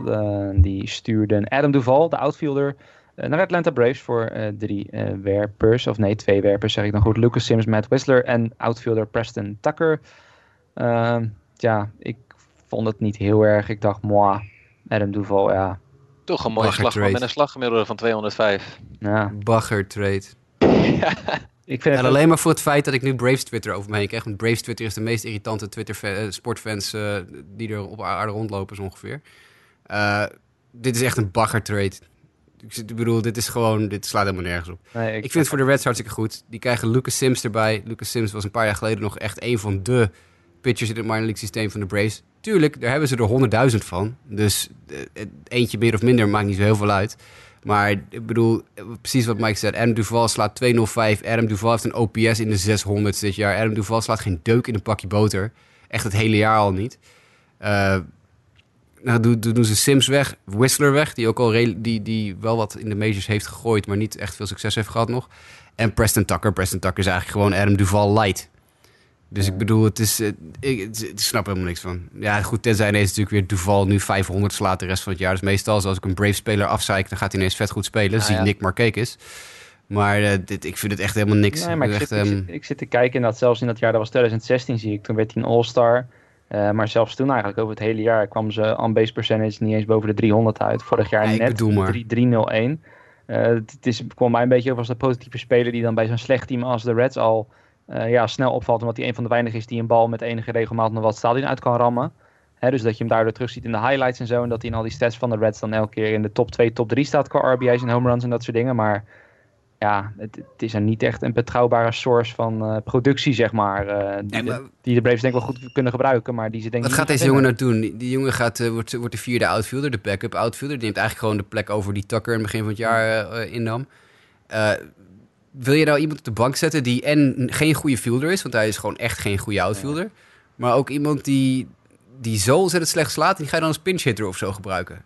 Dat, dat, gaat er helemaal nergens over. Dat is, ja, ik, eh, sorry hoor. Dan kan je beter gewoon Tucker op je bank laten zitten als vierde outfielder. En jongens als Sims en Whistler, nou goed, Whistler is dan nou ja, die is misschien al een beetje te oud om nog als prospect te gelden. Maar Sims is gewoon serieus echt een jongen die ik, die ik, waarvan ik denk, die gaat bij de Reds nog leuke dingen doen. Ik denk dat de Reds daar echt heel blij mee mogen zijn. Eh, want dat is gewoon, dat was een paar jaar geleden echt nog een topper. Dus ik, eh, ik, ik ja goed. Eh, trek nooit in twijfel wat Antopoulos en de Braves doen. Maar, ehm, mm, ik weet niet. Om, om Nee. de, de luisteraar gerust te stellen, er komen nog trades aan waar Jasper wel enthousiast over Ja. is. Oh ja, absoluut. Ja, ik ben er- voor, voor de ja, Reds ben ik heel die gaan- die enthousiast. gaan Ik, het ik vind de Cincinnati Reds hebben dit super goed gedaan. Ja. De Reds hebben meer voor Duval gekregen dan ik ooit gedacht had dat ze zouden kunnen krijgen. Ja, want zeggen, dat is vaak wel, als één, als één kant het slecht heeft gedaan, dan betekent vaak dat de andere kant automatisch iets goed heeft gedaan. Ja, oké, of je hebt misschien een beetje die, die Giles en Osuna trade is misschien een beetje de uitzondering, waar beide teams misschien niet zo heel erg eh, goed eruit kwamen. Maar eh, hè, vaak, meestal, als één team het slecht heeft gedaan, heeft de ander het goed gedaan. Dan gaan we kijken hoe dat is bij de Red Sox. Eh, die hadden Ian Kinsler binnen voor eh, werpers. Geweldige trade. Nou, kijk. Ja, en, en ik vond het vooral, dat wil ik dan nog even zeggen. Vooral, ik weet niet of jullie dat verhaal ook voorbij zagen, zagen komen. Dat, eh, dat wist ik niet eens. Ik bedoel, zo lang volgde ik wel niet eens. Maar dat Kinsler en Pedroia dus ooit samen bij dezelfde universiteit ook zaten. Eh, en waar Pedroia min of meer het plekje van, eh, van Kinsler innam. Waardoor Kinsler ge- gedwongen werd om weg te gaan bij Arizona State. En eh, uiteindelijk naar Hmm. Missouri Central ging of iets dergelijks. Het, is, het, is, het verhaal is ietsje, nog ietsje gecompliceerder. Wil je, wil je het horen? Eh, nee, ik wil het best hoor. Ja, ik zag het alleen laatst eh, toevallig bijkomen. Ik dacht, nou, het is dan wel grappig dat Kinsler nu zoveel jaren later dat ze ineens en samenspelen, dat hij nu zijn plek inneemt. Maar eh, leg uit. Nou ja, het, het, klopt inderdaad wel een beetje. Maar het, het was... eh eh, eh, Pedroia speelde al bij ASU. Mhm. En toen heeft Kinsler... eh, die zat al bij een andere universiteit. Toen heeft de coach van ASU gezegd... hey, jij moet naar mij komen. Je moet naar Arizona State komen. Eh, want dan schuiven die Pedroia, dat jochie Pedroia... dat schuiven naar kort. En dan kan jij lekker tweede honk gaan spelen. En hebben we haar supergoed infield. Nou, zei Kinsler, daar heb ik wel oren naar. Dus die is na één of twee jaar bij zijn vorige universiteit naar ASU gekomen. eh, om inderdaad tweede honk te spelen. Pedroia werd opgeschoven naar kort. Maar Kinsler had een heel slechte start aan het seizoen. Echt heel slecht. En die is op de bank beland. En toen hebben ze gezegd, nou ja, dan schuiven we Pedroia maar weer terug naar twee. En Pedroia speelde toen zo verschrikkelijk goed... dat ze eigenlijk nooit meer hebben gedacht van... nou, dan schuiven Pedroia wel naar kort. En toen is Kinsler inderdaad weer weggegaan. Maar dus Kinsler is eigenlijk binnengehaald... En, en als groter talent dan Pedroia, want ze gingen Pedroia dus verschuiven voor hem, speciaal voor hem. We, we maken plek voor die Kinsler door Pedroia naar kort te doen. Maar ja, toen begon Kinsler heel slecht aan het seizoen en, en de rest is geschiedenis. Kinsler werd wel eerder gedraft nog dan, eh, dan Pedroia, maar ja, het is wel geinig dat ze twintig jaar later nu eh, min of meer op hetzelfde team spelen. Hoewel ze denk ik niet op, tegelijk op het veld zullen staan, want Pedroia is weer geblesseerd en dat is, die is eigenlijk gewoon op. Die is gewoon toast, die is, dat is einde verhaal. Maar eh, ja, dat is, dat is een beetje het verhaal met Kinsler en, eh, en Pedroia. ja. Nee. Ik zou het overigens niet zeggen. Ik moet zeggen, als je naar foto's van allebei kijkt, dan is uh, Kinsler iets minder snel oud geworden qua, qua voorkomen, zeg maar, dan Pedroia, vind ik. Ook als je kijkt dus naar blessures en zo. Dat uh, Kinsler ja, heeft er geloof ik over het algemeen niet heel erg last van gehad. En Pedroia lijkt inderdaad nu gewoon uit elkaar uh, te vallen, als het ware. Al vijf jaar of zo, hè? Ja, ja het is al een paar jaar gaande. Dus dat, nee, maar ik vind het ook wel een, ja, ik vind het ook wel een solide move. Kinsler lijkt me echt zo iemand die bij de Angels dit jaar tot nu toe laten zien dat hij nog steeds productief kan zijn. Echt zo iemand die denkt dan ineens in de playoffs met al zijn ervaring ja, uit het niets nog van waarde kan zijn. En ineens leuke dingen laat zien, denk ik. Dat kan denk ik wel eens goed uitpakken. En voor de Angels ook, hè? want die Ty Buttrey en Williams Jerez die ze binnengehaald hebben. Dat zijn twee hele goede relief pitchers uit, uit de Boston minor leagues. Echt goede, goede pitchers. Die ook allebei al zo goed als Major League klaar zijn. Dus die kunnen waarschijnlijk, zeker die Buttrey, die kan nu al min of meer de majors in. Ja. En, uh, en Gires uh, begin volgend jaar waarschijnlijk. Dus dat is ook voor de, voor de Angels die altijd natuurlijk altijd pitcher en bullpen problemen hebben. Ieder jaar weer pitcher en bullpen problemen. Is dit een slimme move. Ja. Gaan we door naar de Pirates. En daar komen we later nog een keer op terug. Want we gaan het niet over een zekere deal met de Rays nog hebben. Die komt later, want die zou iets later plaatsvinden. We gaan het eerst even kort hebben over Keone Kella, de closer van de Rangers. Werd met veel teams in verband gebracht. En dan gaat hij ineens naar de Pirates. Uh, in ruil voor Taylor Hearn, waarvan ik het grappig vond. Jasper had jij ik nog een retweet dat hij zei die deal die vond zo laat plaats op 31 juli. Uh, dat, ze, dat er geloof ik werd getweet van ja, het is, uh, hè, ze vinden het moeilijk om in contact te komen met de speler die in die trade hoort. Dus het, de deal kan niet gesloten worden. Dat die Hearn een dag later, die dus naar Texas gaat, had getweet van ja, ik, ik lag gewoon lekker te tukken of zoiets in ieder geval. Ja, inderdaad. Ik was gewoon, ik, ja, ik mocht gewoon aan mijn rust komen. Maar goed, Kella dus naar de Pirates. En de Pirates die, die zijn ineens aan het baaien. Apart, toch? Wil je het van mij weten of van Mike? Ja, voor allebei eigenlijk. Nou, Mike? Ja, nou ja, de Pirates hadden denk ik niet gedacht dat ze in deze positie zouden zijn. Dat ze nog redelijk uh, een kans zouden hebben voor de postseason. Al is die kans wel, uh, ja, het is een beetje een long shot, als je mij vraagt. maar goed, ze dachten we moeten daar in ieder geval wat voor doen. En dus gaan ze baaien. En dan hebben ze in ieder geval nog een, een goede reliever erbij gehaald in Keon Kela. Ja. Maar ik, ik vind het, ja, je, moet, je kan deze trade eigenlijk niet bespreken zonder die grote trade denk ik ook te doen. Nee, nee ja, laat ik zo zeggen. Anders bewaren we de rest van de argumentatie zoals we straks bij die, uh, die meneer uitkomen. Gaan we voor nu nog even verder. Uh, dat is namelijk de race, ja, dat is ook een beetje apart eigenlijk. En tegelijkertijd vanuit de Cardinals ook een beetje apart. Tommy Pham, weg uit St. Louis, samen met International Bonus Pool Money naar de race. En de race stuurde daarvoor terug Genesis Cabrera, Justin Williams en Roel Ramirez. Ja, ik vond het wel apart. Tommy Pham naar de race. Ja, misschien dat hij niet goed lag of zo bij de Cardinals. Ik heb er zelf niks over meegekregen, maar... Ja, hij had, hij had, zeker problemen bij de Cardinals. Ja, is dat, was hij echt een van die troublemakers, zeg maar? Nou, ik weet niet of hij troublemaker is, maar hij heeft in het begin van dit jaar, in februari of zo, hij wilde heel graag een contractverlenging tekenen. En hij kreeg zulke shitty aanbiedingen van de, van de Cardinals, dat ze daar ah, behoorlijk in de media ja. over geruzied hebben, de club en de speler. waardoor uiteindelijk heeft hij geloof ik wel een contractverlenging getekend, maar, maar beduidend minder gewoon voor één jaar of zo heeft hij bijgetekend. En hij was echt heel boos op de Cardinals over hoe ze dat gedaan hebben. Hij, hij vond dat hij meer verdiende.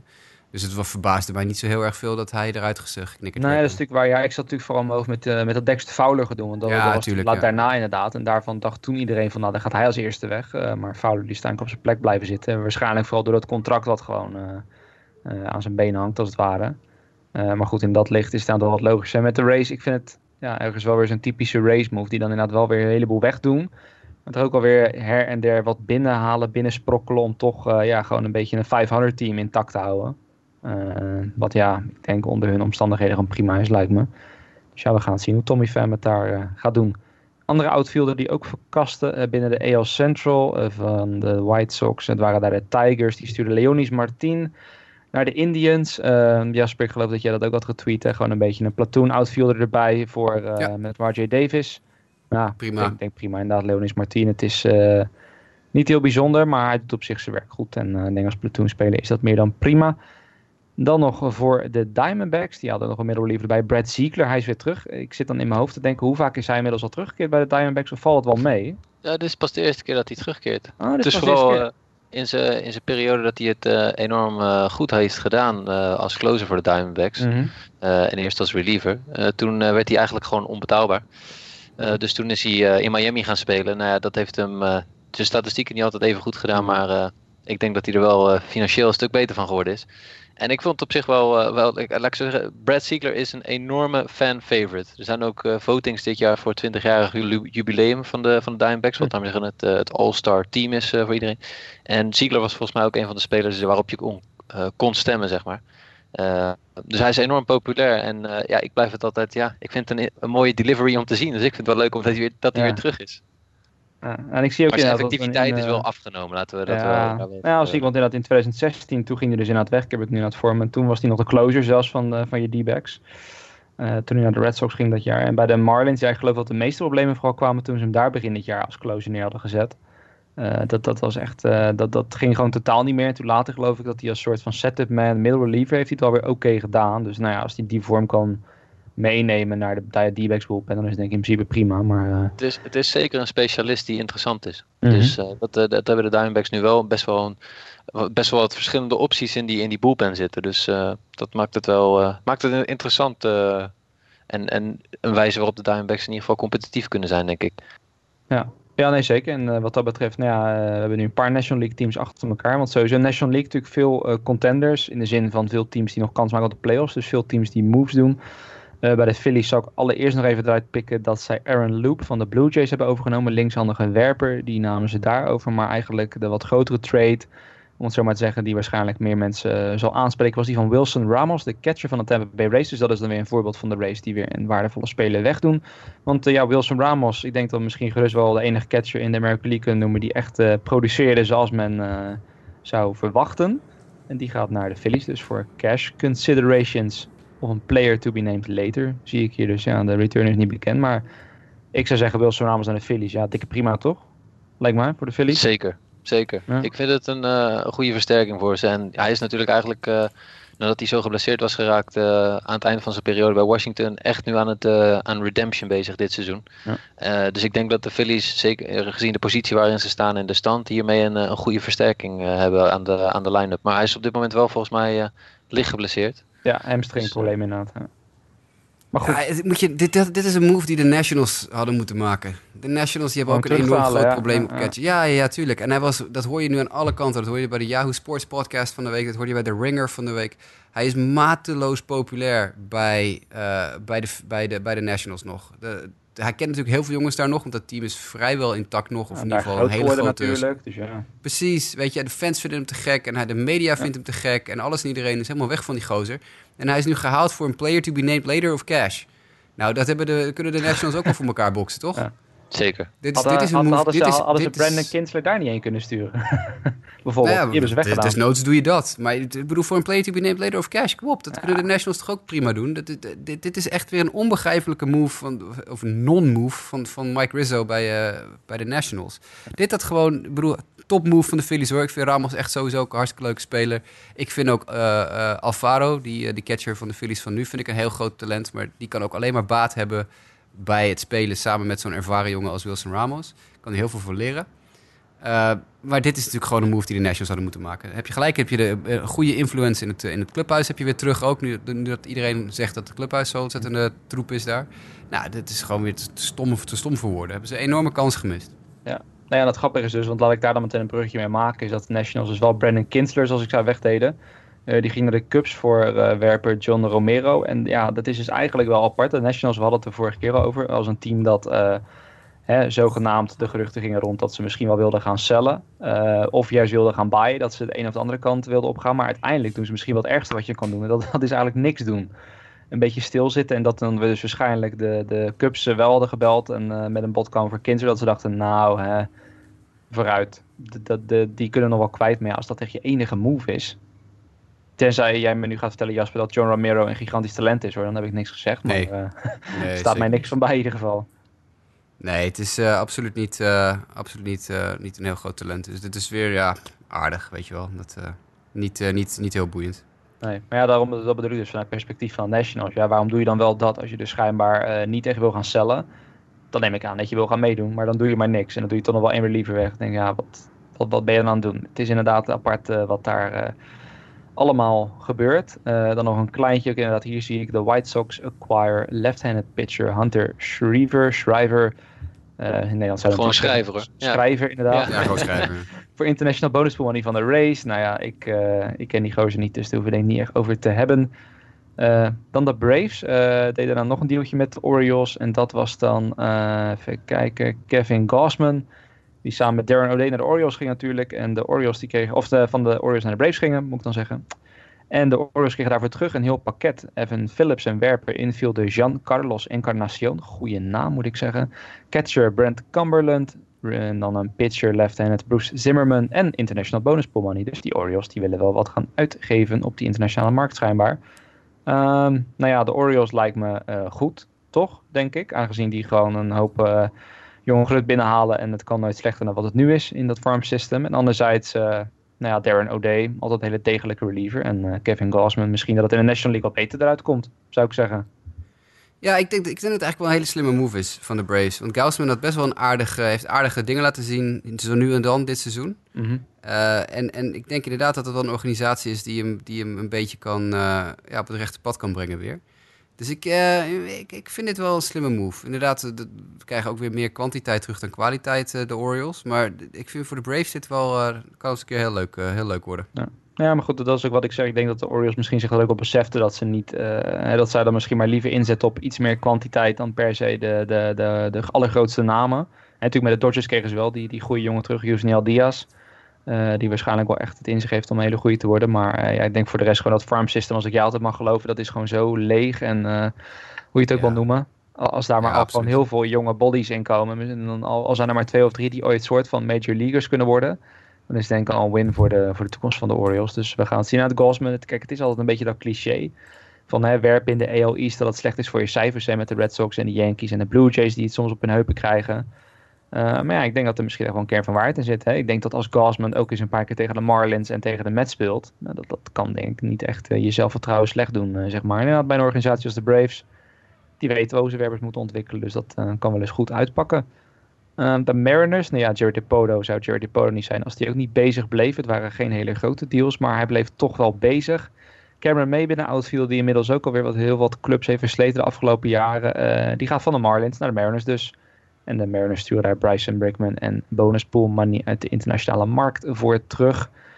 Um, ja, daar heb ik niet echt wat over te zeggen. Ze hebben een outfielder erbij en Maybin die altijd een beetje vlees nog vis is naar mijn idee. En uh, ja, dat is het eigenlijk wel. Ja, geeft, biedt natuurlijk wel de gelegenheid om uh, uh, die Gordon fulltime terug te zetten op. Yes. Dus ja. dat, dat is misschien dan wel het belangrijkste uit die deal. Dat dat dan bewerkstelligd kan worden. Dan de Dodgers als volgende weer middle relievers die worden geschoven. John Axford van de Blue Jays. Hij was ooit de closer bij de Brewers. Hè, met die bekende snor. Ik weet niet of hij die snor nog steeds heeft. Daarvoor zie ik hem niet meer vaak genoeg tegenwoordig. John Axford. Maar hij gaat naar de Dodgers toe. Voor Corey Copping naar de Blue Jays. Ja, John de, Axford, jongens. Ik vind John het inderdaad wel een beetje, als ik dan zit te denken, de Dodgers, uh, daar werd zo gesmeekt om bullpenhulp. En als ik het dan uit mijn hoofd goed zeg, is John Axford de enige die ze hebben gehaald, toch?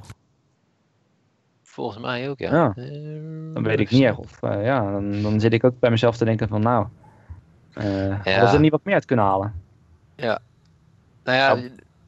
ook de Dodgers hebben nog wel eens de, de neiging om relievers die ooit wat zijn geweest weer goed op het goede pad te krijgen de laatste jaren. En die hebben echt zoiets van we contracteren zoveel mogelijk pitchers. Maar ik vind, ja, John Axford, ik, ik, Jasper, Ja, ik, ik zie het ook niet hoor. Ik, eh, ik denk dat die ook gewoon. Ik zeg het wel eens over spelers die zijn toast. Ik denk dat van Exert ook. Die is gewoon, eh, is gewoon klaar.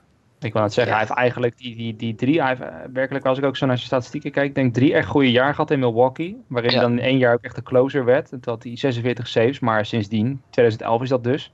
Was hij 28 is het echt alleen maar eh bergafwaarts gegaan. ja, is een de beetje alle laatste vier jaar echt gewoon dramatisch. En steeds bij verschillende, althans in mijn ogen.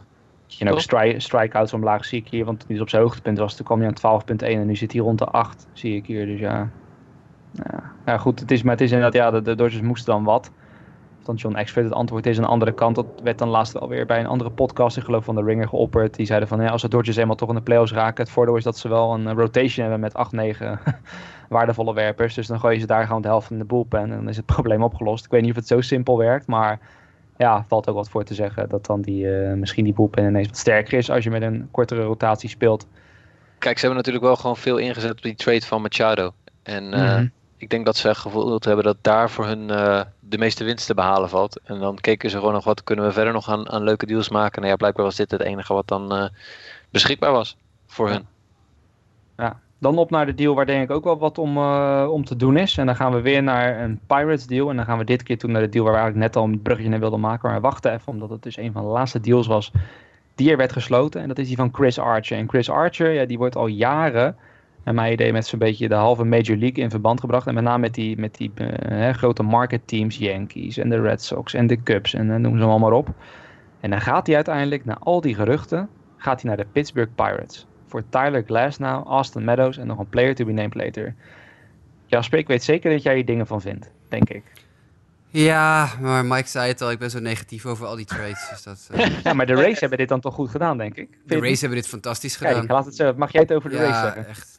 Ja, ik, ik ben onevenredig fan van Austin Meadows. Ik vind Austin Meadows, en er zijn altijd mensen die zeggen ja, maar hij was vorig jaar in AAA niet zo goed. Hey, jongens, houd toch op zeg. Dit, uh, deze jongen werd drie jaar geleden, Lionel heeft het ook wel eens verteld, werd hij nog vergeleken met een jonge Mike Trout. Dus deze jongen die loopt werkelijk waar, het talent komt zijn komt zijn oren uit. De, nou goed, oké. Okay. Vorig jaar had je een trade uh, waarin Jose Quintana uh, be betrokken was. Uh, die ging uiteindelijk voor, voor vier spelers naar, van de White Sox naar de Cubs. En de, de, Pirates hadden toen naar verluid hetzelfde pakketje op tafel gelegd voor Jose Quintana. Tyler Glasnow, Austin Meadows en een player to be named later. Nou, to, toen hebben ze dat natuurlijk, hebben de White Sox dat niet gedaan. omdat ze iets beters konden krijgen. Maar ik, had, ik weet zeker dat als dat het enige aanbod was geweest, hadden ze daar ook uh, vrede mee gehad. Maar ja, dit is.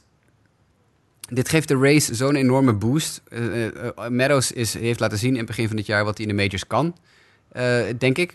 Hij is natuurlijk niet, niet foutloos, maar had echt een, een goede eerste 100 slagbeurten. Met een handvol home runs en, en twee handen vol gestolen honken en noem maar op. Gewoon een hele talentvolle jongen. Die gewoon geen fulltime speeltijd kon krijgen in Pittsburgh. Want daar hebben ze Polanco en Marte en Corey Dickerson die ze liever daar hebben staan. Uh, Corey Dickerson, die ik persoonlijk leuk als honkballer vind, hoor, maar niet het gezicht van je, van je franchise moet worden de komende paar jaar. Want Meadows is wel een stukje beter. Maar goed, nu krijgt Meadows dus met Tommy Pham waarschijnlijk uh, flink wat speeltijd bij de Rays in het outfield. En dat, ik denk dat de Rays er heel veel plezier van gaan hebben. Glasnow is een beetje een uh, enigma. Die heeft een beetje controleproblemen altijd de laatste paar jaar. Maar was ooit nog de nummer 1 pitching prospect in baseball een jaar of drie, vier geleden. Dus die heeft ook wel talent. En dan gaan de Pirates, die net even 12 wedstrijden op rij gewonnen hebben, maar natuurlijk nooit van hun leven de playoffs gaan halen. Want die gaan niet de Brewers voorblijven of voorkomen en voorblijven. Die gaan niet de Cubs voorblijven. Die gaan geen kans maken op een wildcard plek. Dus dit is een volkomen zinloze move. Ook omdat Chris Archer natuurlijk al jaren uh, onderpresteert eigenlijk. En dat is ook eens heel interessant. Iedereen is altijd helemaal weg van Chris Archer. Maar gelukkig hadden ze bij The Ringer en bij Yahoo van de week ook allebei uh, onafhankelijk van elkaar gezegd deze jongen presteert al jaren eigenlijk gewoon minder dan hij zou moeten presteren. Hij, hij onderpresteert bij zijn peripheral stats. Oftewel, hij laat gewoon niet zien wat hij volgens zijn, zijn onderliggende stats zou moeten laten zien. Uh, dit is een volkomen zinloze move. Dit, dit is, de Pirates hebben hier echt helemaal niets aan. Het is ook inderdaad met Archer waar ik dan ook altijd aan moet denken. Het is echt een beetje het stereotype van... Hè, als je maar vaak genoeg zegt dat iemand goed is, zeg maar... Van, ja, hij is echt heel goed, hij is echt heel goed. Hè, dan ga je het zeg maar ook geloven zonder dat je hem echt ziet spelen... of dat je echt zijn stats ziet. Dat ik met Chris Archer ook altijd inderdaad. Hij werd altijd gezien hè, als, een, als, een, als die all-star. Terwijl nou, uiteindelijk heeft hij in die 6, 7 jaar met twee keer ook überhaupt een all-star game gestaan bijvoorbeeld. Maar verder ook inderdaad, misschien is het ook zijn imago of zo. Hè. Ik bedoel, hij, hij is wat anders dan anderen, zeg maar. Ook gewoon hè, qua hoe die overkomt en hoe die eruit ziet. Dat dat misschien ook al een beetje dan bijdraagt aan de hype, zeg maar, rond hem. Maar dat hij geen 13 in een dozijn spelen is. Maar ja, ik, maar, want ik vind de Pirates altijd, ik vind het een sympathiek team. Het is denk ik, zeg maar, als je mijn, mijn voorkeuren weg zou halen, dan zijn de Pirates wel een van die teams waar ik altijd wel zwak voor heb. Een beetje die eeuwige underdog die toch tegen, ja, alles in probeert competitief te zijn. En dat is dan ook de enige manier waarop je dit nog zou kunnen verdedigen. Dat ze toch een move willen maken om een beetje die fanbase weer op te hypen. Die ja, zo vaak zit te haten op management dat ze niet genoeg doen. Uh, dat is dan, hier dan op te wachten? Ja, dat is dan een beetje het ding. Talent, is dit, is, is dan, dit dan de, de move die, die je moet maken? Dat is het lastige, want wat Jasper had, terecht aanhad, ja... Kijk, die divisie, dat is denk ik inderdaad, dat staat buiten kijf. De Cubs en Brewers, dat is echt gewoon, uh, dat is een klasse apart binnen die divisie. Die gaan ze nooit inhalen. Maar ja, dan winnen ze zoveel wedstrijden achter elkaar en denken ze ineens van, nou, misschien zit er toch wat magie in dit team. laten we maar wat moves gaan maken. En uh, vooral ja, in die wildcard, ik had het geloof ik laatst ook in, die, uh, in onze appgroep gezegd, uh, zitten geloof ik acht teams, strijden daar nu. Voor twee plekjes. Nou ja, als je dus een beetje uitrekent, is het dus zo'n ongeveer. In het meest optimistische geval, als ze allemaal even sterk zijn, hebben ze zo'n 10%, 15% kans om überhaupt die wildcard game te halen.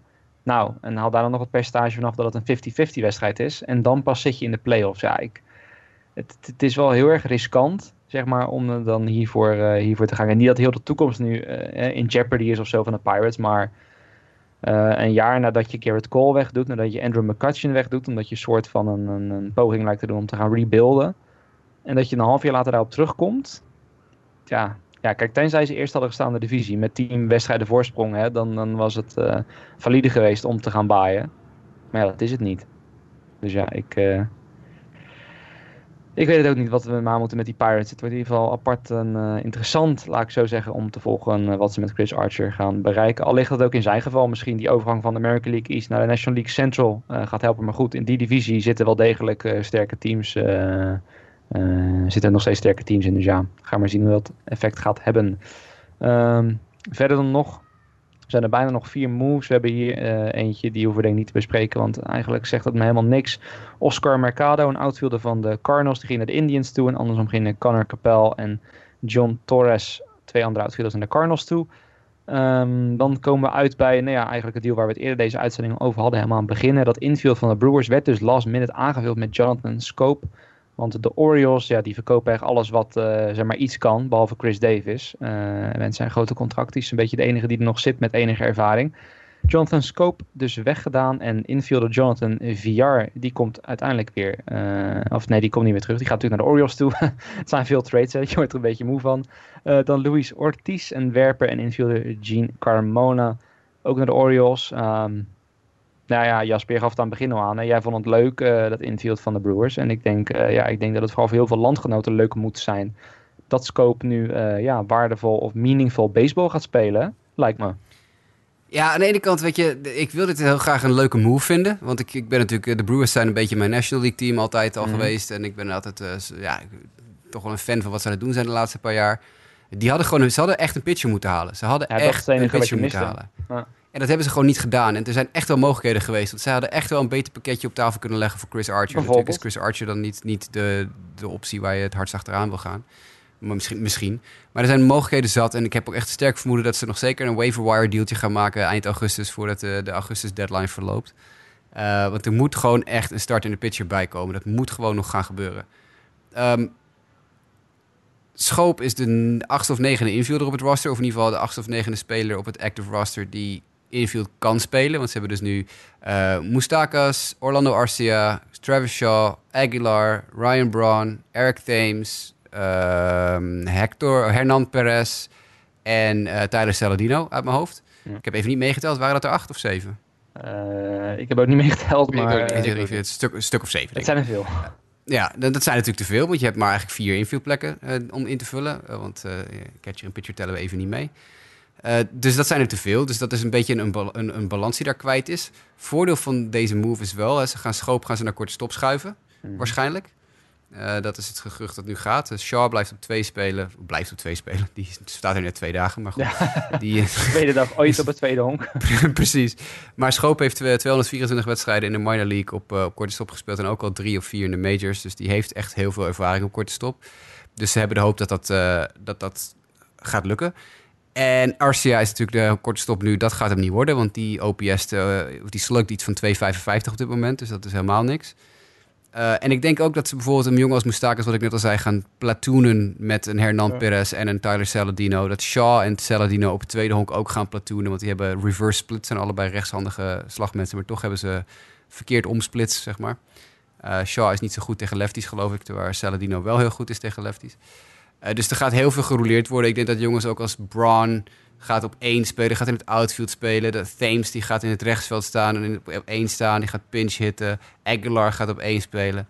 Als dus een manager uh, is het heerlijk, toch? Oh, de, deze man kan van alles gaan doen. Ik denk dat de enige twee spelers die, weten, die zeker weten of dat, ze, dat ze op welke positie ze op een dag spelen, zijn de pitcher en de catcher en misschien de centerfielder. Want volgens mij hebben ze geen uh, jongens die ook nog even centerfield gaan spelen. Maar voor de rest kan iedereen geloof ik op vijf of zes plekken uit de voeten. Hm. Dus dit is voor manager ideaal. Alleen ja, het zou nog idealer zijn geweest als ze nog een pitcher hadden gehaald ja. ook. Ja, dat is inderdaad wat je zegt. Uh, nee, je zegt dan eerlijk, je zat al wat lang op de Brewers bandwagon. Maar als ik nou ook naar dit team kijk, even persoonlijk, dan heb ik wel ergens iets van... Ik vind het ook echt wel een tof team, zeg maar. Ook gewoon persoonlijk uh, herkennen Moestakas uit die Royals dagen. En uh, met Yelich, Aguilar, Shaw, Thames. Ja, dat, zijn wel allemaal gewoon uh, toffe spelers uh, bij elkaar. En ook in die bullpen. Oké, de, de vervelende opmerking van Heler uit zijn, uh, uit zijn puberteit daar gelaten. Eh, ge- gewoon goede relievers. Maar laten kijk je die, naar die rotation en dan denk je toch, eh, ik zal het even opnoemen. Je hebt Chase Anderson, Julius Chassin, Junior Guerra, Freddy Peralta. Dat is natuurlijk dan wel de leuke jongen in die rotation. En Wade Miley. Ehm, ja, vraag me niet waarom, maar op een of andere manier staan Chassin en Miley de laatste tijd wel goed te gooien. maar eh, ik denk niet dat als je eenmaal in de playoffs uitkomt, dat je daar wil rekenen inderdaad. En dat is dan inderdaad het ding. Eh, ik verwacht dan ook nog wel dat ze wat gaan doen. Wat ze gaan doen, eh, dat is dan wel de vraag. Jasper, ik weet niet, had jij er toevallig over nagedacht dat je dacht van, nou, misschien is dat dan een werper voor ze nog wat kunnen doen? Of Nee, dat is Nee, net lastig. oké. Het het is niet echt één naam die dan nog rondzinkt of zo. Of, nee, vind ik ook nee, nee, nee. Het, het glas half vol met deze rotation is... Iedere pitcher die erin staat...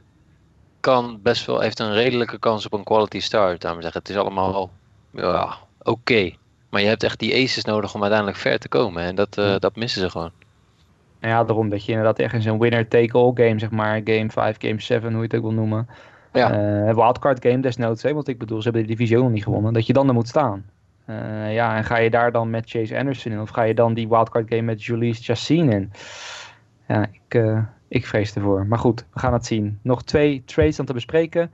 We zitten denk ik zo'n beetje maar aan het uurtje. Wel de Jake Diekman, eh, die naar de Diamondbacks ging. Nou, daar kwam begin van de uitzending besproken natuurlijk. Eh, Ja. Dus die gaat van de Rangers naar de Diamondbacks toe. In de En andere de- kant op gaat eh, ook een opvallende naam. Hè? Want wij zaten in Haarlem nog op de tribune. Nou ja, bij Chinese Taipei tegen Duitsland. En toen zei ik nog, waarom is Wei Shi Wang er niet bij? Maar die, Nou, die was er wel bij, maar het was een andere Wei Shi Wang. Want ik geloof het Taipei-team had wel degelijk een Wei Shi Wang Ja. op de, op de line-up staan. Maar maar was alleen geen deze. pitcher, geloof ik. Was, was, een, eh, was een slagman. maar goed, eh, volgens mij... Dat, ja, is de, dat is de Jan Jansen hè, uit, eh, uit eh, Taiwan. Is eh Wei Chi Huan, Ja. heet hij dan. Nee, dat is een grapje, weet ik ja, nou ja, die gaat Maar, naar de Texas Rangers. ja.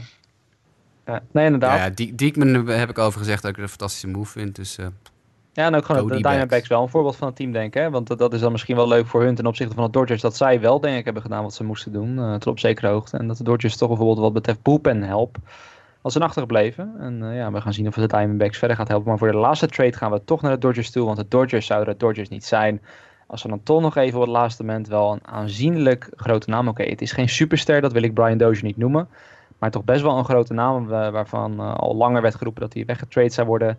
En dat het dan toch de Dodgers zijn die hem even erbij halen. Logan Forsythe, Luke Rayleigh en Devin Smeltzer. Die gaan de andere kant op richting de Twins. Die dus nog een ja, fan favorite wegdoen, kan ik wel stellen. Maar eh, ja, de rich get the richer hier, hè, lijkt mij. ja, is Dozier zo slecht dit jaar, man. Ja, maar Echt. toch. Ik, Wat ik zie het dan bij de Dodgers wel weer gebeuren dat hij gewoon inderdaad... dit is Ja, niet luister, zijn het- best, maar da- daar in die omgeving dat het dan ineens recht trekt. En eh, Het is een super goede move, want het is een plek die ze graag wilden versterken. En, en Logan Forsythe die kon de, de druk in LA gewoon helemaal niet aan. Dat is Ja. inmiddels al een beetje duidelijk geworden. Is natuurlijk een paar keer geblesseerd geweest, maar kon ook helemaal niet omgaan met de sfeer daar. Dus die hebben ze weggestuurd, die hebben ze naar de Twins gestuurd. Die nu gelijk ook weer gewoon een tweede honkman terug hebben gekregen. Dus dat is ook wel super handig voor de Twins natuurlijk. dat wel. Maar Dozier heeft gewoon echt een heel slecht seizoen. Is nooit een, nooit een van mijn favoriete spelers geweest. Want het is een power en verder helemaal niks. Maar goed, dit maakt natuurlijk wel het infield van de Dodgers misschien wel het beste infield in de Major League. Hè? Met, eh, met Machado en als Turner fit is Turner. En, en nu Dozier en Bellinger. En dan heb je ook nog, eh, eh, hoe heet die, eh Seager. Ja. Corey Seager, die, nog, die natuurlijk geblesseerd is en dit seizoen niet meer speelt. Maar die wel nog gewoon op de payroll staat als infielder. Dat Mhm. is echt een serieus infield hoor. Ja. Ja. Ja, wat ik Het- dan het verder zit te denken... Voor... Ja, ga maar, ga maar. Nou ja, wat, ik verder nog even kort zit te denken. Ik bedoel, denk ook aan jongens als Justin Turner en Chris Taylor, die daar ook ooit gewoon als nobodies binnenkwamen. Ik bedoel, die hadden niet, niet eens echt een reputatie, behalve dat het gewoon average, eh, eh, vervangbare infielders waren. En die werden daar min of meer supersterren in LA. Dus ja, eh, waarom zou Brian Dozier dan niet, die toch met een wat betere reputatie binnenkomt, waarom zou hij dat dan niet kunnen, vraag ik me dan af. En op zich, het is natuurlijk, hè, small sample size XXL. Hij heeft pas één wedstrijd gespeeld, maar hij stond er wel meteen met... eh, een home run en met eh, drie, Drie uit vier. drie uit vier slaan. Dus ja, eh, het eerste teken is positief dan. Waarom werkt het nou niet zo met de White Sox voor je, Jasper? De White Sox worden heel slecht dit seizoen en dan spelen ze gewoon de pannen van het dak. Maar nee, het is wel met Brian Dozier het geval. Ja, Ik, ik mis even je analogie, sorry. Ik zat even naar het vliegtuig te, te kijken dat overvloog. nee, je zei Brian. Dozier ja, is heel slecht geen fan van. Dozier, hè? Nee, Nee, dat sowieso niet. Nee, dat, nee eh, omdat dat- je zei Brian Dozier is hartstikke slecht dit seizoen. En Jasper, eh, of, eh, Justin haalde net aan dat hij gisteravond toch best wel een behoorlijk goed debuut heeft beleefd.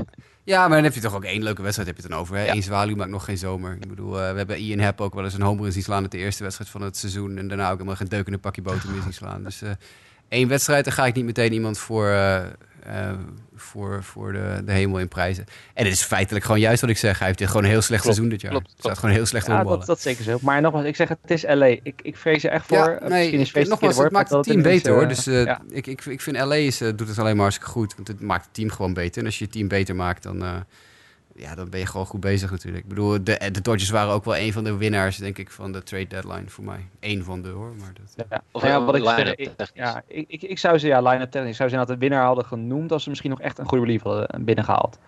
En dan had ik zo echt tot de winnaar willen uitroepen. eh, nu. ja, we hebben natuurlijk wel wat DL-jongens nog hè, die terugkomen. Dus dat eh, Ja, true. kan nog wel wat helpen.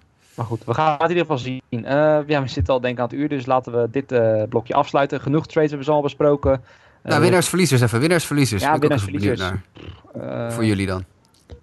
Nou, ja, ik denk, even- ja, ben ik dan, misschien een beetje beïnvloed door jou, maar als ik een beetje zit te kijken, dan vind ik de Nationals toch wel echt te verliezen in de zin van wat ik net zei. Eh, ze gaan dus blijkbaar niet verkopen, maar ze hebben ook niet gekocht. Terwijl ik neem aan, als je niet verkoopt, dan wil je meedoen, maar wat doe je dan om mee te doen? Je doet alleen een reliever weg. Ja. Maar goed, ik weet niet hoe jij dan die divisie gaat winnen, terwijl de Phillies met de Ramos Precies. bijvoorbeeld en de Braves, oké, Duval, je kan dan een slechte move vinden, maar goed, die laten tenminste zien dat ze wat willen. Hè? Met Gausman halen ze erbij, OD. Ja, zeker. eh. Die, die zitten gewoon niet stil. En Nationals zitten stil. En ja, stilstaan, dat is, eh, dan loop je na een tijdje achter. Yan- Ja. Yankees, Braves, Brewers. winnaars of verliezers. Ja, winnaars. winnaars. Winnaars. Ja. Ja. ja, was jou, had jij een winnaar, Justin? Ja, eh, als ik dan een winnaar denk, ja, ik zou dan toch zeggen de Brewers. Ik weet niet eh, of het inderdaad allemaal zo uit gaat pakken, maar gewoon gebaseerd op gevoel. eh, ja, Ja. hebben die wat leukste deals gemaakt. Had jij een verliezer, Mike, of niet? Eh, nou ja, weet je dan toch de, de Nationals en de Mets eigenlijk. Bij staying put in uh, beide gevallen hoofdzakelijk. Ja, denk ik dat je toch uh, daar wel iets had verwacht. En uh, dat ze ook uh, de organisatie hadden geholpen als ze wel wat hadden gedaan. Ja. wat meer dan wat er Ja. gebeurd is. De Mets willen volgend jaar weer content, hè, werd naar buiten gebracht. Ja, Ja. zonder Johannes Ja, Cespedes. maar- Doodles. Ja. Ehm, nee, dat zie ik niet. We, ik, ik zou zeggen winnaars, dat eh doen mij eh, de Yankees in ieder geval. Want die hebben niet, niet heel veel splashy moves gemaakt, maar die zijn wel heel slim bezig. Eh, ja, Brewers kan ik geen winnaar noemen, want die hebben geen pitcher gehaald. Dodgers, nou ja, vooruit. Yankees en Dodgers winnaars. Even heel snel uit mijn hoofd. En de verliezers zijn voor mij de Colorado Rockies. Die nog Ah, echt ja. volop in de race zijn. Ik, eh, Diamondbacks zijn ook wel een winnaar trouwens. Die hebben ook wel echt super slimme dingen gedaan. Maar de Rockies zijn de abs- absolute verliezers voor mij. Die hebben alleen Sangwon O gehaald van de Toronto Blue Jays. En dat Je is lang niet genoeg. dat te- nu iets zegt. Ja. terwijl ze Nou echt nog dat- serieus in de race zijn. Ze zijn echt nog in de race. Maar ze hebben echt helemaal niets gedaan om dat team beter te maken. Terwijl er echt eh, alleen maar gaten in dat team zitten, zowat op dit moment.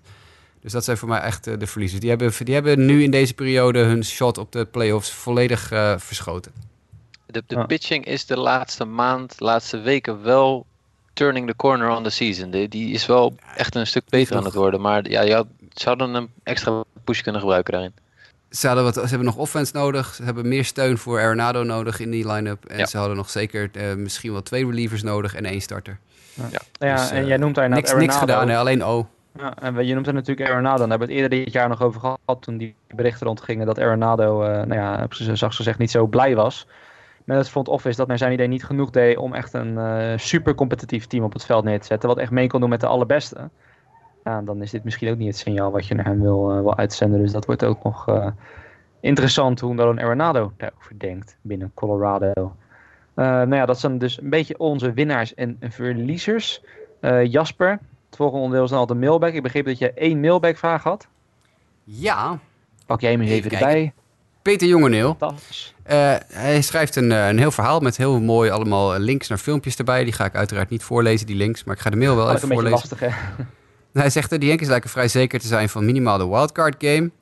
Eh, maar, zegt hij, eh, als we de laatste vier starts bekijken van de Yankees rotation... dan zien we Tanaka met een 1.75 ERA, Sabathia met een 5.48 ERA... en Severino met een 8.84 ERA.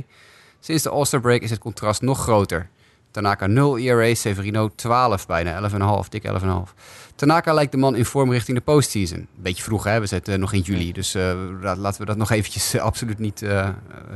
ben ik misschien een beetje vooruit aan het lopen op de feiten. Maar desondanks gaat de discussie uitsluitend over Severino en Sabathia. Wat vinden jullie hiervan? De discussie is sowieso erg aan de vroege kant. Ja, daar heeft eh, Peter dus een punt, want dat zei ik ook al. Hij wordt gevoerd. Zou je toch verwachten dat de recente prestaties van Tanaka ook meegenomen moeten worden? Of is dit een van die conservatieve dingetjes in het baseball? Net iets te lang vasthouden aan je ace. Nou Mij ja, lijkt het in ieder geval, zegt hij, erg tricky voor een winner-takes-all game wie je op de heuvel zet. Nou, Ja, de Yankees zetten, dat is natuurlijk denk wel, ik, want eh, waar gaan ze misschien natuurlijk wel uitkomen. Zolang de Red Sox Ja. er. Dat wordt Severino. Tenzij hij wel, geblesseerd raakt. Ja. Nee, kijk, ik snap Peters punt wel. Voordat ik eh, jullie uiteraard rustig even aan het woord laat hierover. Eh Tanaka wordt een, is een beetje de vergeten man in dit geval. Maar aan de andere kant, laat hem lekker zo doorgooien. Laat hem in de, in de rest van de playoffs eh, een, goed, een goed ding doen. Severino is de ace, de absolute ace. Nou ja, Sabathia, daar hoeven we niet eens over te hebben. Die Yankees, eh, die, die als Severino gewoon fit blijft... en er geen aanwijzingen zijn dat hij bijvoorbeeld geblesseerd speelt... of dat hij net even wat minder speed op zijn fastball heeft of zo... dan, eh, dan, dan denk ik dat je gewoon je ace kiest. Dat je gewoon Severino gaat. En desnoods eh, doe je wat ze volgens mij de vorige keer ook gedaan hebben... dat je hem na twee innings eraf haalt of zo. Maar ja, Tanaka staat wel heel goed te gooien. Nou ja, het is inderdaad voor die winner-take-all game. Dan, dan is het denk ik sowieso Severino die, eh, die aan bod komt. Of het, het moet echt volledig blijven imploderen vanaf hier. Maar goed, ik ga er niet vanuit. Ik denk dat hij het uiteindelijk wel weer op het rechte pad eh, trekt. Nou ja, verder ja, kijk, hij heeft het over de laatste vier starts hè, van de rotation. Kijk, ik ga niet op basis van de laatste vier starts... eh, of sinds de All-Star break, wat twee weken geleden... of tweeënhalf weken geleden of zo... ga ik niet zeggen van... hey, Severino is het helemaal kwijt. Nee, jongen die was, die was lights out tot halverwege juni. Eind, eind juni. Eh, dan gaan we nu ineens, omdat hij een paar slechte starts op rij heeft... gaan we hem niet meteen afschrijven als, als ace natuurlijk. Nee. Nee, kijk, en verder denk ik dat, kijk, dat is dan misschien niet echt zijn vraag, maar dat de Yankees zich op zich niet heel erg veel zorgen hoeven te maken ook verder. Want als je bijvoorbeeld vergelijkt met de Red Sox, hè, daar werd geloof ik best wel veel gehaat op het feit dat zij niks aan hun bullpen deden. Maar ja, eh, kijk even naar de Yankees die dan Britton erbij hebben gehaald, alleen al. Hè, eventueel Lin als, als long reliever, hè, of je het nou wel of niet een, een goede vindt. Maar ja, eh, zelfs al is die rotation niet perfect, met die bullpen kan je een heleboel goed maken. En vooral als je in van die Ja. playoff wedstrijden terechtkomt. Kijk, als, als ik kijk naar hoe de Yankees op dit moment een pitching hebben, hebben ingericht, dan zie je toch eigenlijk wel, vind ik wel iets opvallends. En eh, dat is, weet je, die rotation die staat redelijk, maar ehm, kijk naar die bullpen. Daar hebben ze dus een aantal jongens in staan die best wel veel starting pitching experience hebben. Dus het zou mij niet verbazen dat op het moment dat ze in de postseason komen, dat we gewoon steeds twee innings zien van een speler en dat we dan een andere pitcher krijgen. Ze hebben Chad Green. Nou, die heeft gestart. Die is in staat om meerdere innings te werpen. Dan hebben ze AJ Cole, die eigenlijk heel slecht begon, maar de laatste maanden goed staat te gooien en vaak ook twee innings werpt. Dan hebben ze Lance Lynn. Dat zijn allemaal jongens die best wel in staat zijn om gewoon, weet je, twee innings eh, over te overbruggen. En als je starter dan een beetje onzeker is, ja, dan geef je de bal gewoon over aan die bullpen. Want daar, daar, dat is de sterkte van dit, dit Yankees team gewoon. Britton is zelfs nog in zijn in zijn hele jonge jaar als rookie nog een, eh zelfs Een starter geweest. Ja, Ja. ik kan, kan me nog herinneren toen ik ooit, eh, dat, eh, even, hele korte anekdote, maar toen ik ooit bij de White Sox kwam, hè, dat zal Jasper natuurlijk tevreden stemmen. Toen weet ik toevallig nog, er was het duel tegen de Orioles en er was toen, ik denk Britton of was een rookie of in zijn tweede jaar, maar toen nog startende werper. Maar ik weet nog ook van toen, de- dat was toen destijds niet een heel succesvol experiment in de zin van dat Britton nooit echt de ace werd waarvan men toen eerst dacht dat hij dat zou worden. Als ik het mij goed meen eh, te herinneren. Uiteindelijk een goede closer worden. Maar goed, hij heeft dus wel die ervaring. Dus hij mocht dus een soort Tampa Bay Race-achtig systeem gaan invoeren. Eh, ja, kan dat misschien ook nog. Ja, je ziet het eh, wel in de postseason de afgelopen seizoenen, hè? Ja, daarom is je moet steeds inventiever worden. Of nou ja, of het moet, weet ik niet. Maar je ziet in ieder geval dat het steeds vaker gebeurt. En dat het op zekere hoogte successen meebrengt. Dus ja, waarom, eh, waarom niet? Ik weet trouwens niet, dan ben ik even bevelen wat nou concreet Peter's vraag was. En of die mee beantwoord is. Maar eh, lijkt me wel, toch? Jawel, jawel.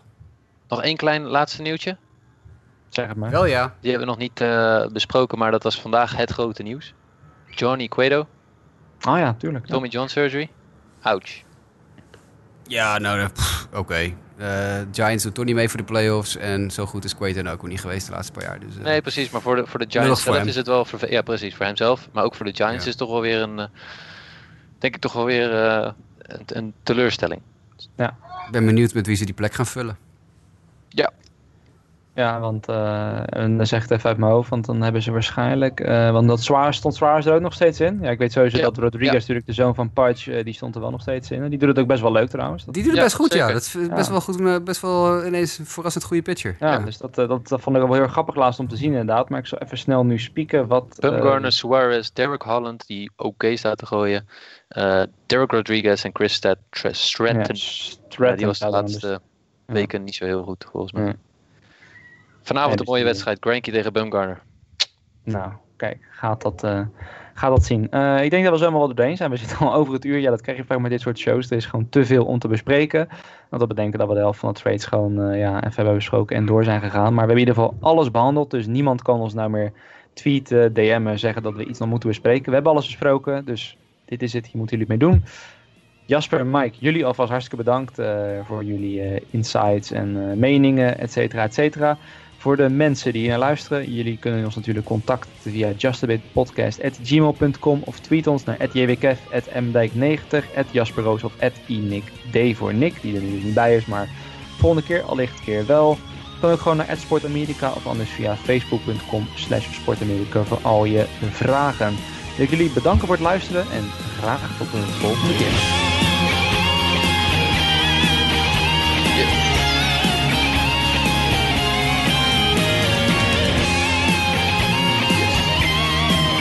not wrong.